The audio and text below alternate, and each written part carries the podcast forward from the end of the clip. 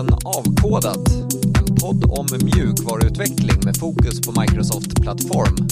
Av och med oss på Active Solution.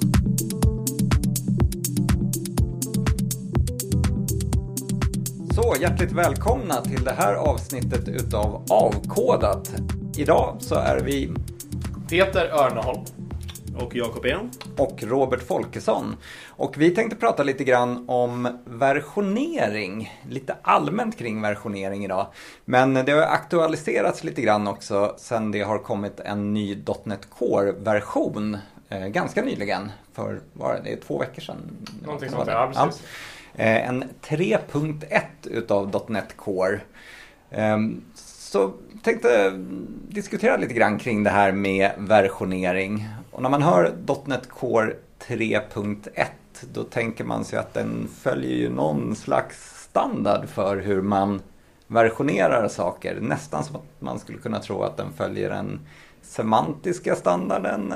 Eller vad, vad innebär det begreppet egentligen? När man har en 1.0.0 kanske till och med. Vad, vad är det för någonting då? Just det. Ja, men precis som du säger så, så har det ju utkristalliserat sig. Jag vet inte riktigt historiken och när det, när det kom. Men de flesta inom, inom utvecklarvärlden eh, och utvecklarcommunityt har ju börjat följa det här semantic versioning. Jag tror att det finns en semantic versioning 2 som är lite tillägg till ettan där. Eh, Så de flesta, det bygger ju i grunden då på att man har, jag tror om det är eh, tre eller option fyra siffror med, med punkter däremellan. Så att har vi .NET Core 3.1 som kom nu så ligger den, tror jag, den heter tekniskt sett 3.1.100.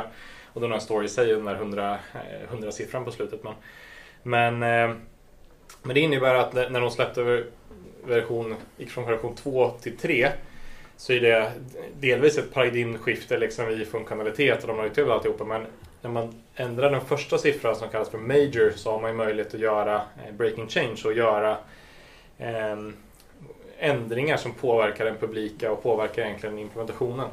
Men det. när man ändrar eh, nästa steg i siffran så eh, minor version då, så har man möjlighet att göra tillägg och ny funktionalitet men du ska inte kunna bryta existerande applikationer.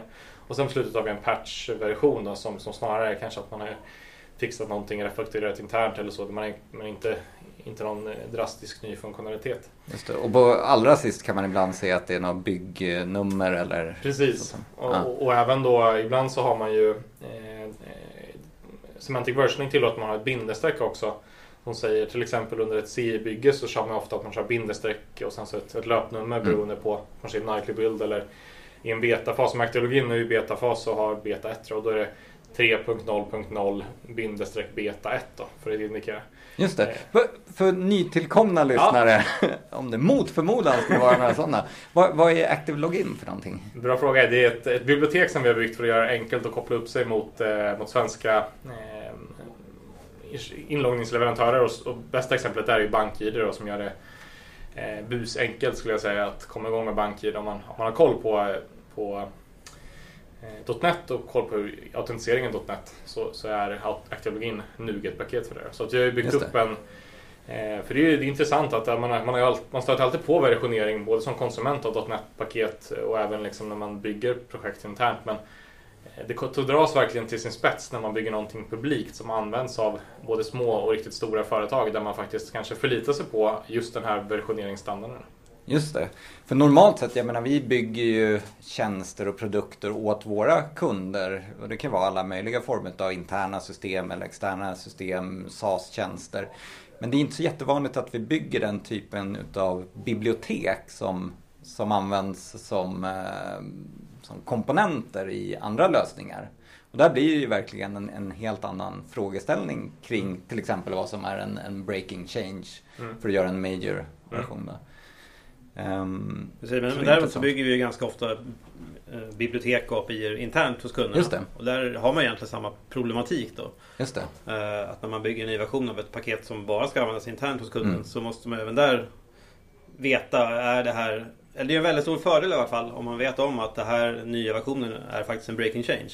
Just det. Så då kanske det inte är ett läge att eh, uppgradera utan faktiskt prata med de som har byggt den versionen och se börjar göra nu är det mycket jobb att uppgradera till den nya versionen. Mm. Istället för att alltid bara hämta det senaste, vilket man kanske är van vid då vid sådana interna bibliotek eller interna API. Mm. Så, och då kan det vara att det kanske publiceras i någon intern NuGet-feed kan, Mm. till exempel. Ja. Precis, och det är jättevanligt då. Men ActiveLogin, då använder vi semantisk versionering, Mm. eller hur? Så, då, Mm. så om jag är en konsument då, då kan jag titta på de här, den nya versionen och så ser jag då om det är den första siffran så är det alltså en, en breaking change. Eh, och är Ja. andra siffran, då ska det vara safe för mig att uppgradera och då kan jag få tillgång till nya features. Precis. Och är sista siffran patch, då ska det egentligen bara vara en, en bugfix Ja. eller någon, någonting som inte ändrar API-ets, Just det. eh, alltså surface som man säger då. Så att eh, teoretiskt, eller alltså precis sista siffran kan vara så att vi har liksom refakturerat implementationen internt men inte påverkar den publika. Eller vi kanske har snabbat upp det lite på något sätt. Och emellan kan ju vara att vi har eh, som vi har arbetat över ett separat paket för just eh, personnummer och samordningsnummer mm, bitar och så. Och då skulle det kunna vara att vi hade initialt bara stöd för personnummer men så lägger vi till stöd för samordningsnummer. Och då skulle vi kunna ligga kvar på typ från 2.0 till 2.1. Nu kommer det komma ett 3.0-paket ändå för att i och med att vi gjorde samordningsnummerstödet så så insåg vi förbättrings, alltså små så här namngivningskorrigeringar och sånt vi vill göra personnummer för att få det harmoniserat across the board. Eh, så då kommer det bli en 3.0 release eh, ändå liksom. Eh, så, att, så det är ju en sån här eh, det, det är en lite gråzon där. Ja, exakt. Det finns ju såna här saker som eh, Det finns ju saker som om vissa aspekter där man ändrar, där man tänker att det här inte är en påverkan, typ hitta ett stavfel liksom. Men, men tekniskt sett, om man verkar verkligen hårdra det så är ju ett, ett stavfel någonstans, det kan vara någon som har varit, alltså gjort en parsning av någon output någonstans i ett, jag hittade till exempel ett stavfel i ett exception vi kastar. Och det är ju så här, ja, men, om man faktiskt, det kan vara så att man kikar på det meddelande Mm. som kommer ut och kollar if exception message contains eh, och sen så applikationen baserad på det. Då är ju faktiskt ett stavfelskorrigering en breaking change då. Mm. Och det där gör ju eh, vi har ju så här, på den nivån vi är nu med Active Login och vi är ju för sig uppe i 33 000 nedladdningar nu tror jag senast av alla paket. Eh, Men det är ändå på den nivån att vi kan släppa nya major releases på en ganska kontinuerlig basis. Nu är vi uppe i version 3 medan Microsoft när man är liksom ett sånt ånglokomotiv då, då, är, då är det inte en lika stor sak att gå, ja men oj vi behöver fixa stavfel, vi släpper .NET Core 4 liksom. Det, det, är, det är många uh, departments som ska, eller många avdelningar på Microsoft som ska samordna det där. Jag har ju förstått att eh, till exempel i .NET Core 3.1-releasen så finns det några sådana gränsfall där man faktiskt, det, det, det finns Mm. någon breaking change vet jag i. Alltså, Jämfört med 3.0 då? Ja, Ja, precis. precis. Alltså, men för jag är inte helt insatt i detaljerna, men som jag har förstått det så kommer ju Chrome är på, på väg med en ny version av Chrome som kommer hantera cookies annorlunda. Och det bryter en del flöden med OpenID Connect och så. Det finns ett bra, bra blogginlägg från Barry Doran som man kan googla på om man vill ha fram det. Och där, Just det, vi, vi- vi kommer också ha med länkar i, på avkodat.se kan du alltid gå in och hitta länkar till det som vi pratar om i de här avsnitten. Mm. Och, och just det där blogginlägget då, så vi kan länka till den och där, där omnämns det och det, det är en sån här aspekt där eh, som sagt det skulle vara svårt för Microsoft att releasa .NET Core 4 bara för att hantera det här men de behöver göra en sån förändring i hur ra- ASP.NET-ramverket hanterar cookies till viss del Mm. för att hantera eh, och i och med att Chrome är så pass dominant spelare så behöver liksom ASP.NET ta hänsyn till, till deras förändringar eh, och då man kan läsa lite i kommentarerna att det finns det är liksom man hamnar i ett dike oavsett och då gäller det att hamna i rätt dike och då har de valt att istället göra en sån breaking change så att man kan hantera det scenariot. Eh, Så att, det, det är en rätt fascinerande ändring de gör för att det påverkar hela webben. ja, exakt. Eh, för, för övrigt så är det väl version 80 utav Chrome Ah. som det här kommer i tror Okej, jag. ja. Eh, så att de, de har raceat på lite grann med sin versionering. Just det. Ja, där har man generellt ganska dålig koll på vilken version i och med att den autouppdaterar Ja. så pass ofta. Om man tänker så här, continuous delivery till sin spets Mm. så blir ju versionsnumret ganska ointressant på ett sätt. Men ibland så är det viktigt att veta att från, för det säger de att från och med version 80 kommer vi att göra de här ändringarna. Mm. Och det måste man vara medveten om när man får ner den. Mm. Då. Mm. Men jag tänker på Dr. Core så är det, det består ju liksom av flera delar. Dels är det ju runtimen Mm. där de är extremt eh, strikta med det här med semantisk versionering och så vidare. Men sen är det ju SDK'n också. Mm. De här två utvecklas ju i olika takt. Mm. Så att om man hämtar hem .NET Core Runtimen 3.1.100 så har SDK'n ofta en, den har ett annat versionsnummer. Den följer inte riktigt samma eh, versionsnumrering som, som Runtimen gör. Okej, Eh, och sen finns det också .NET Standard ju. just det. Eh, och det är lite intressant eftersom .NET Standard är ju bara ett, ett interface egentligen. Mm. Så, för jag läste, och då, och där, så därför så har man ju inte, liksom, de har bara major minor på den. För att det är inte relevant att prata om bugfixar. Mm. Så att patch har liksom ingen mening för .NET standard. Utan det är ju bara ett API, alltså en interface. Mm. Så du kan bara ha ändringar i som antingen är så att säga major eller minor. Då, då. Mm. Just det, Eh, intressant. Ja, Ja. men, ja.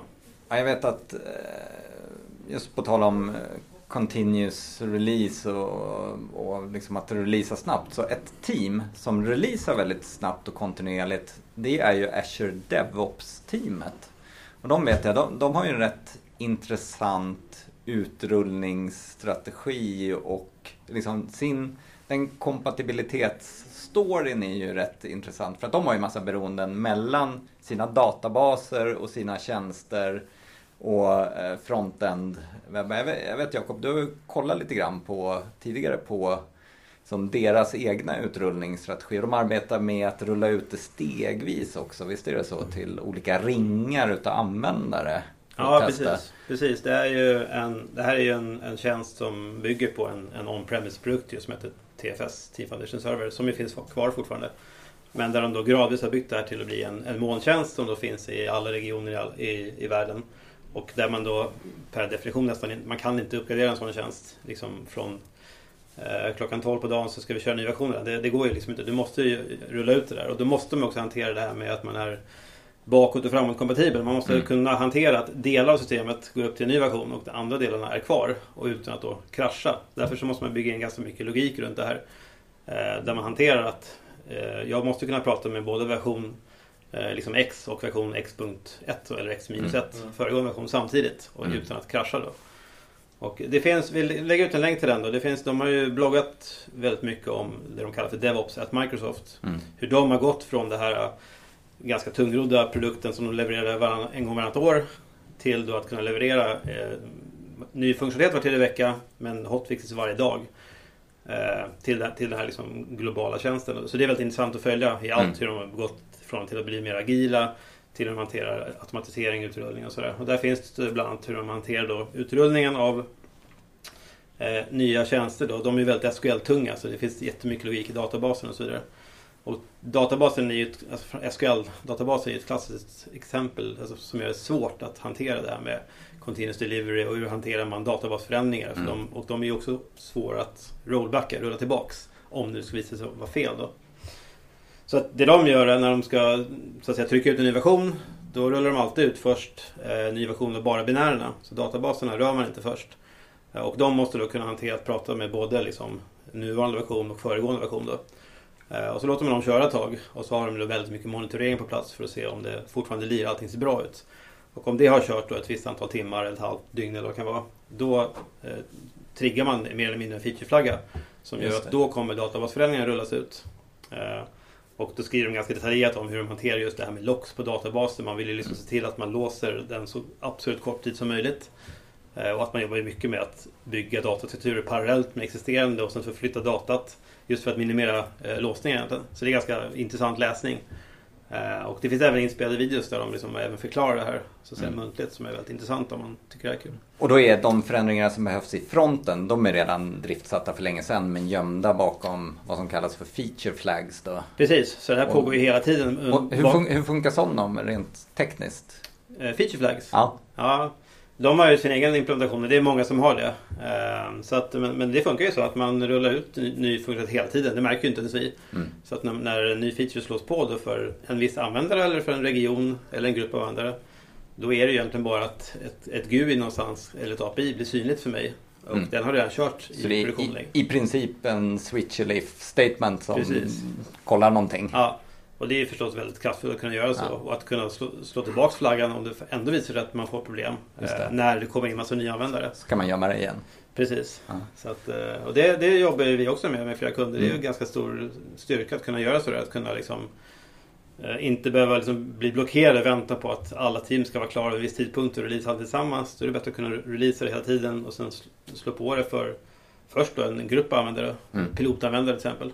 Och sen när det är okej, då kan vi rulla ut det för resten av organisationen utan att behöva deploya om någonting. Ja, jag lä- jag läste inte, på, på, inte kopplat till feature flags men jag läste ett blogginlägg i morse på Microsofts Azure-blogg om eh, hur de... eh, De har en serie nu egentligen hur de jobbar med liksom DevOps och site reliability och så. Och i morse så var det ett blogginlägg från Azure AD-teamet just om hur de rullar ut och bygger Azure AD för att bli en mm. global lösning som är liksom för det är lite så här, även om Azure funkar i helhet, går AD ner som det ändå har gjort några gånger eller det har funnits issues med den, då eh, det är liksom en knutpunkt för att kunna logga in i alla möjliga tjänster. Och då eh, så var det ganska långt inlägg liksom, på lite högre nivå, det var liksom inte ner på databasnivå hur de arbetar där, men, men hur de arbetar med att skapa en sån eh, tillgänglig tjänst. Då. Sen finns Azure, AD finns i 30 datacenter och de rullar alltid ut sådär alla möjliga ringar där de först är det bara internt internt och sen så får alla Microsoft-anställda den nya versionen och sen så går de ut till och skulle det vara fel någonstans så kan de rulla tillbaka och, eh, och jag tror varje alla skrivningar skrivs beroende på vilken nivå man köper av Ashadi så har man minst fyra data, alltså varje skrivning du gör skrivs till minst fyra datacenter och i varje datacenter på nio ställen. Men eh, beroende på om du har en större tenant eller vad så kan det skrivas till 13 datacenter gånger 9. Så det är så här eh, extremt liksom distribuerat mm. och sen så har de delat in det i eh, alla möjliga zoner i hela paketet för att skapa en eh, resilience man kallar det för. Alltså, ja, just det. Den typ av... Mot, motståndskraftig. Just det, ja men precis. Det är väl närmsta svenska eh, ordet kanske. Så det, det, är intressant, inte så att man så här här kan jag copy-pasta lite kod och klistra in utan det är mer bara, är, vi kan också länka till inlägget, så det är mer intressant att se när man kommer upp på den nivån liksom vad, vilka saker man tar till för att skapa den typen av tjänst eh, som är global. Liksom. Mm. Och den tjänsten är väl för övrigt en av de som de kommer vara tvungna att patcha för att uh, kunna hantera den här nya uh, cookie-hanteringen. Ja, för att kunna sätta uh, det värdet på cookien som mm. Chrome då kommer att kräva fortsättningsvis för för att vissa OpenID Connect-flöden ska fungera egentligen. Ja, låter... Vilket de måste stödja. Ja, jag antar det. Det låter helt rimligt. För jag har för mig att man kan... Det här påverkar bara om man gör eh, down low level här så påverkar det alltså OpenID Connect-lösningar som gör post tillbaka efter ett lyckat OIDC-flöde. Och eh, jag tror att Azure AD tillåter både get och post där så att det, det, mm. det kan finnas de, de, som faktiskt behöver hantera det på ett eller annat sätt. Liksom. Mm. Det ska väl nämnas att den här .NET Core 3.1 det är ju en sån här LTS Just det. release, va? Long Term Servicing står det. Long Term Support. Support kanske, ja. precis. Uh, vilket 3.0 inte var. Så det innebär att en sån LTS-release mm. den kommer då vara supported av Microsoft och hela tiden uppdateras och bugfixas mm. i tre år. Alltså. Ja. Um, så att är man på 3.0 så, så bör man ju uh, uppgradera till 3.1. Ja, för när 3.0 släcks ner ganska snart? Ja, alltså släcks ner är väl så att säga att men Microsoft kommer inte supporta den releasen mer än tre månader efter att den har släppts, vilket mm. är ganska snart. Mm. Um, så, att, så att om man är liksom, vill man ha support på, på mm. den plattform man bygger på, då ska man ju gå över till 3.1. Och då blir en sån här breaking change förstås extra viktig att se till att man inte är sårbar för den. Just det. Mm. Naturligtvis. Det kan nämnas att Active Login, vi hade ju förberett en pull request att kvällen som eh, .NET Core 3.1 släpptes så hade Active Login uppgraderats till version 3.1 av .NET Core bara för att vara redo. Men det är, det är en sån... Eh, det är också en... Att, att det är en... Tar ut... Alltså om man går tillbaka till semantic versioning, att mm. uppdatera vi ett dependency strikt sett i, i Active Login. Liksom, att vi är beroende av en viss version av NuGet-paketet för Azure Key Vault. Liksom. Mm. Då är det, det kan ju ställa till för att den i sin tur kanske har någon breaking, eller liksom, mm. har någon change någonstans som gör att man inte kan konsumera den. Mm. Så därför har vi, vi har försökt bumpa upp till alla senaste versioner nu i den versionen som kommer komma ut. Jag vet, på tal om just beroenden, eh, kommer jag tänka på att det, det, finns en väldigt snygg detalj i Active Login eh, för scanning utav QR-koder. Mm. Eh, som stöds nu genom pull request som kom för ett tag sedan. Men där själva streckkodsläsningen ville ju inte ni ta ett beroende på något specifikt bibliotek för, eller hur? Utan använder interface för att visa liksom att här, här kan man stoppa in ett. Eh, men visar väl också eh, en sida som säger det, eller hur? Ja, exakt. Ja, precis som ni ser, vi har, vi har kikat lite och tagit inspiration av vad Microsoft själva gör. Ja. Som i, om man, eh, från och med .NET Core, eller ASP.NET Core 3.0 tror jag, så har Microsoft själva inte beroende på några eh, tredjepartsbibliotek. Förut har man ju till exempel varit beroende av ganska få egentligen, men man har varit beroende av JSON.NET som ändå är ett communitybibliotek. Så. Eh, och, och där är ju en, jag tror de, de kallar sin tanke med liksom att eller allting ska kunna byggas från källkod, liksom att man har ett helhets, alltså de har koll på alla sina mm. beroenden egentligen. Eh, och, och, samtidigt vill, man inte, vill de inte heller så här, vi vill utnyttja faktumet att communityt har byggt jättemånga bra bibliotek. Mm. Men då blir det en sån här, hur, eh, hur gör man det? Att inte vara beroende av det. Men då har ju Microsoft själva då till exempel implementerat någon sån här iJSON serializer.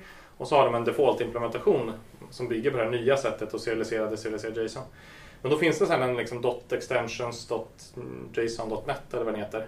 Som implementerar det interfacet som liksom mappar då egentligen biblioteket för JSON.net mot Microsoft nya interface för serialisering. Så vill man fort, har man fortfarande behov av funktioner i den så kan man liksom ta in ett tredje bibliotek som mappar ihop de här. Så samma koncept kör vi i ActiveLogin, att det finns ett interface som heter typ I, Bank ID, QR Code Generator. Och eh, den har ingen implementation, eh, någon skarp implementation default, utan men vi, men vi har byggt ett paket som mappar den mot en QR-coder, tror jag den heter, som är ett sånt communitybibliotek. Men det gör och det löser det problemet att om man har specifika, vi behöver ha exakt den här QR-kodsgenereringen eller vi vill göra det på ett annat sätt så kan man implementera interfacet själv. Men vi tar inte något skarpt liksom, eh, beroende på någon slags bibliotek som man kanske inte vill använda. Och då har vi löst, för att, för att hinta lite om att du saknar en implementering, så finns det en in-memory implementation som egentligen bara är en Day64-enkodad bild där det står Please read our readme and see how you set up this. Snyggt. Eh, så att eh, så ska det bli tydligt att, att man har missat att aktivera den. Ja, mm. ja intressant.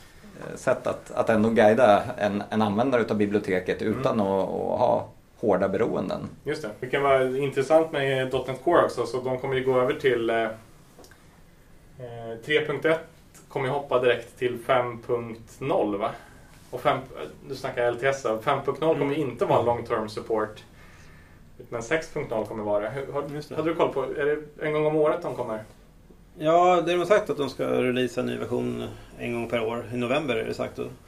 Och att varannan sån release ska vara en LTS-release. Så det skulle innebära att 5.0 kommer då nästa november. Och kommer då inte vara en long term support release utan det kommer att komma i 6.0 2021. Ja. Så att säga. Och, och den kommer då vara, vara tre år support på.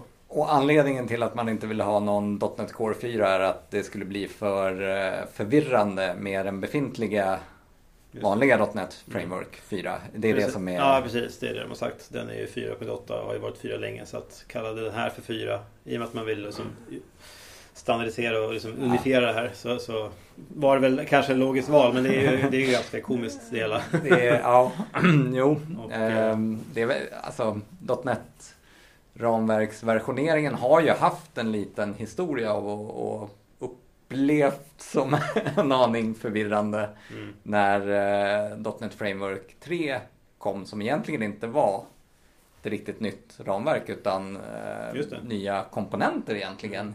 Som byggde på .NET Framework 2 mm. runtimen. Mm. Redan där blev det ju lite ja. en viss förvirring. Det här är ju en annan typ av förvirring men det är väl lite så then if you eh, don't och then if you do. Att det, det är svårt för dem att, att göra det valet och då kanske det är ändå lite tydligare att kalla den för fem. Mm. Men, det... det... känns ändå som att de är lite överrepresenterade i så här märkliga namn och versionsval ja. genom åren. Xbox Series X. ja, just det. Ja. Men det, men, men det är ju svårt, det, det, är klart. Det ska man ha respekt för. Ja. Men det är ju, det är ändå, jag gillar som jag fattade så är det lite så att de går från att alltså, jag vet inte hur lång tid det har tagit att gå från .NET Framework 1.0 till 4.8 nu. Men 1.0 kom väl i början av 2000-talet va? Ja, alltså, .NET Framework? Ja, ja precis. 2002 ja. eller 2001 kanske? Va? Ja, 2001. så det är snart var det 19, 18-19 år då på och nu kommer man alltså släppa en ny major-version en gång om året. Mm. Eh, vilket innebär, och som jag fattar det så vänder man ju lite på konceptet och säger att vi, vi kommer släppa en ny version en gång om året. Och sen så hur mycket som kommer in det är sekundärt. Liksom. Det är mer att man ska, man ska kunna säga, man ska veta liksom, att det här är mm. vår eh, hastigheten som Microsoft kommer att arbeta i. Mm. Eh, och det kommer att vara breaking changes en gång om året. Men då kan man ställa om lite hur man tänker kring eh, alltså, att man, är, mm. man hela tiden förväntas vara lite på tårna. Mm. Men, men däremot kommer det ju komma så att säga eh, minor releases också. Mm. Eh, så att det kommer ju komma så att säga 3.2 och 3.3 beroende på hur många sådana det kommer innan 4.0 släpps. Så det är inte så att ingenting händer med Nej. Eh, fram tills... Eh, eh, så att om man väntar på nästa LTS-release så, så kommer det komma saker under vägen mm. som man kan uppdatera till. Då. Just det. Innan vi avrundar, jag såg det swishade förbi på våran, på våran interna Slack att några som kommer att stödja .NET Core nu är Episerver. Mm. Det, det är väl en nyhet får man väl ändå säga. De har väl inte gjort det tidigare. Eh, Vi kanske ska förklara vad Episerver är för de som kanske inte känner till det. Då till Peter. Den bollen var över till Det ett, Peter. eh, Jag tror du har jobbat mest Ja, jag kanske med jobbat mest med det. det. är Episerver är ett, ett um, .NET-baserat CMS eh, för att hantera ja, Content Management System då, för att hantera innehåll och så. Vår egen webbplats bygger på den till exempel och vi har byggt ett antal kundprojekt på, på just Episerver.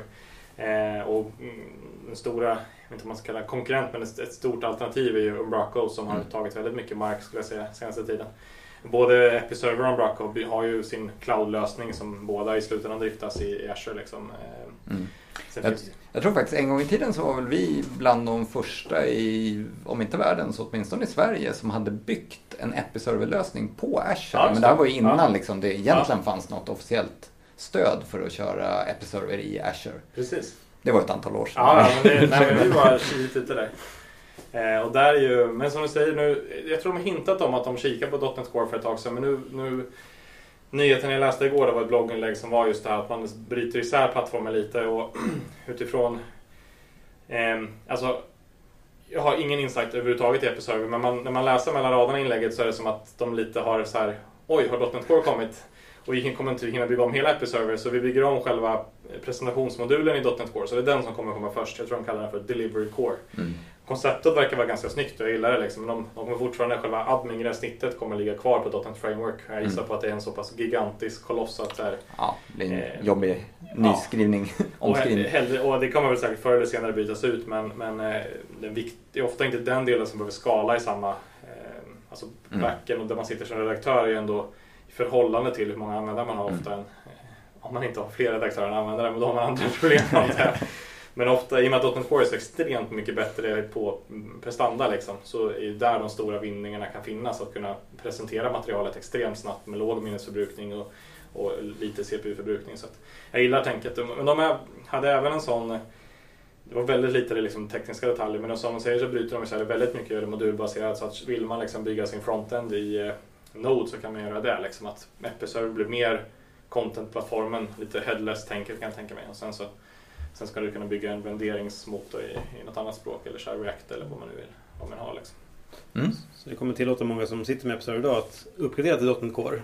Ja, Eller, eller är det en helt ny version som man måste... Nej, det verkar vara sådär. De skrev någonting att uh, if you have uh, done investments in the old Episerver we will support you for a long time och sådär. Så jag gissar på att det är liksom ett ny paradigm Ah, hur man gör det här. Men man kan väl förmodligen på något vis migrera innehåll och sådär. och Så Det låter ju... Ja, upp på den, Ja, en ny installation av den nya versionen. Det känns som, som, som det. Och det är ju det är en sån... Eh, eh, det har ju legat dem lite i fatet att inte kunna stödja .NET Core för att eh, och det har väl gjort att jag tror det är hel, liksom, helhet bra för det har ju gett, liksom, gett möjlighet för andra CMS att bubbla upp som löser de problemen. För att ja, men, .NET Core har funnits i ganska många år nu och jag skulle säga att jag, menar, som jag träffade en kund i måndags där jag eh, var på att dra igång en .NET Framework-applikation och insåg att jag har aldrig kört någonting .NET Framework sedan jag bytte dator. Och, så det var en issue liksom. Men det, jag tror det talar lite att nästan allt vi, bygger, att allt vi har byggt nytt de senaste två åren, tre åren har ju varit .NET Core. Så att, Ja. och, det gör ju, och då kommer man, nu ska vi ha ett CMS liksom. Och då blir det ju det liksom blir en clash där i, Mm. i, eh, Mm. i de bitarna. Så att, jag tycker det är ett bra steg eh, Ja, framåt. ja, verkligen. Alright. Då tackar vi för att ni har lyssnat på oss och eh, vi ville väl också passa på att önska god jul och gott nytt år. För det här är precis innan jul. Kanske inte när du lyssnar på det här men när vi står och spelar in det här. Så hoppas att eh, ni fortsätter lyssna på Avkodat. Tack och hej! Tack! God jul!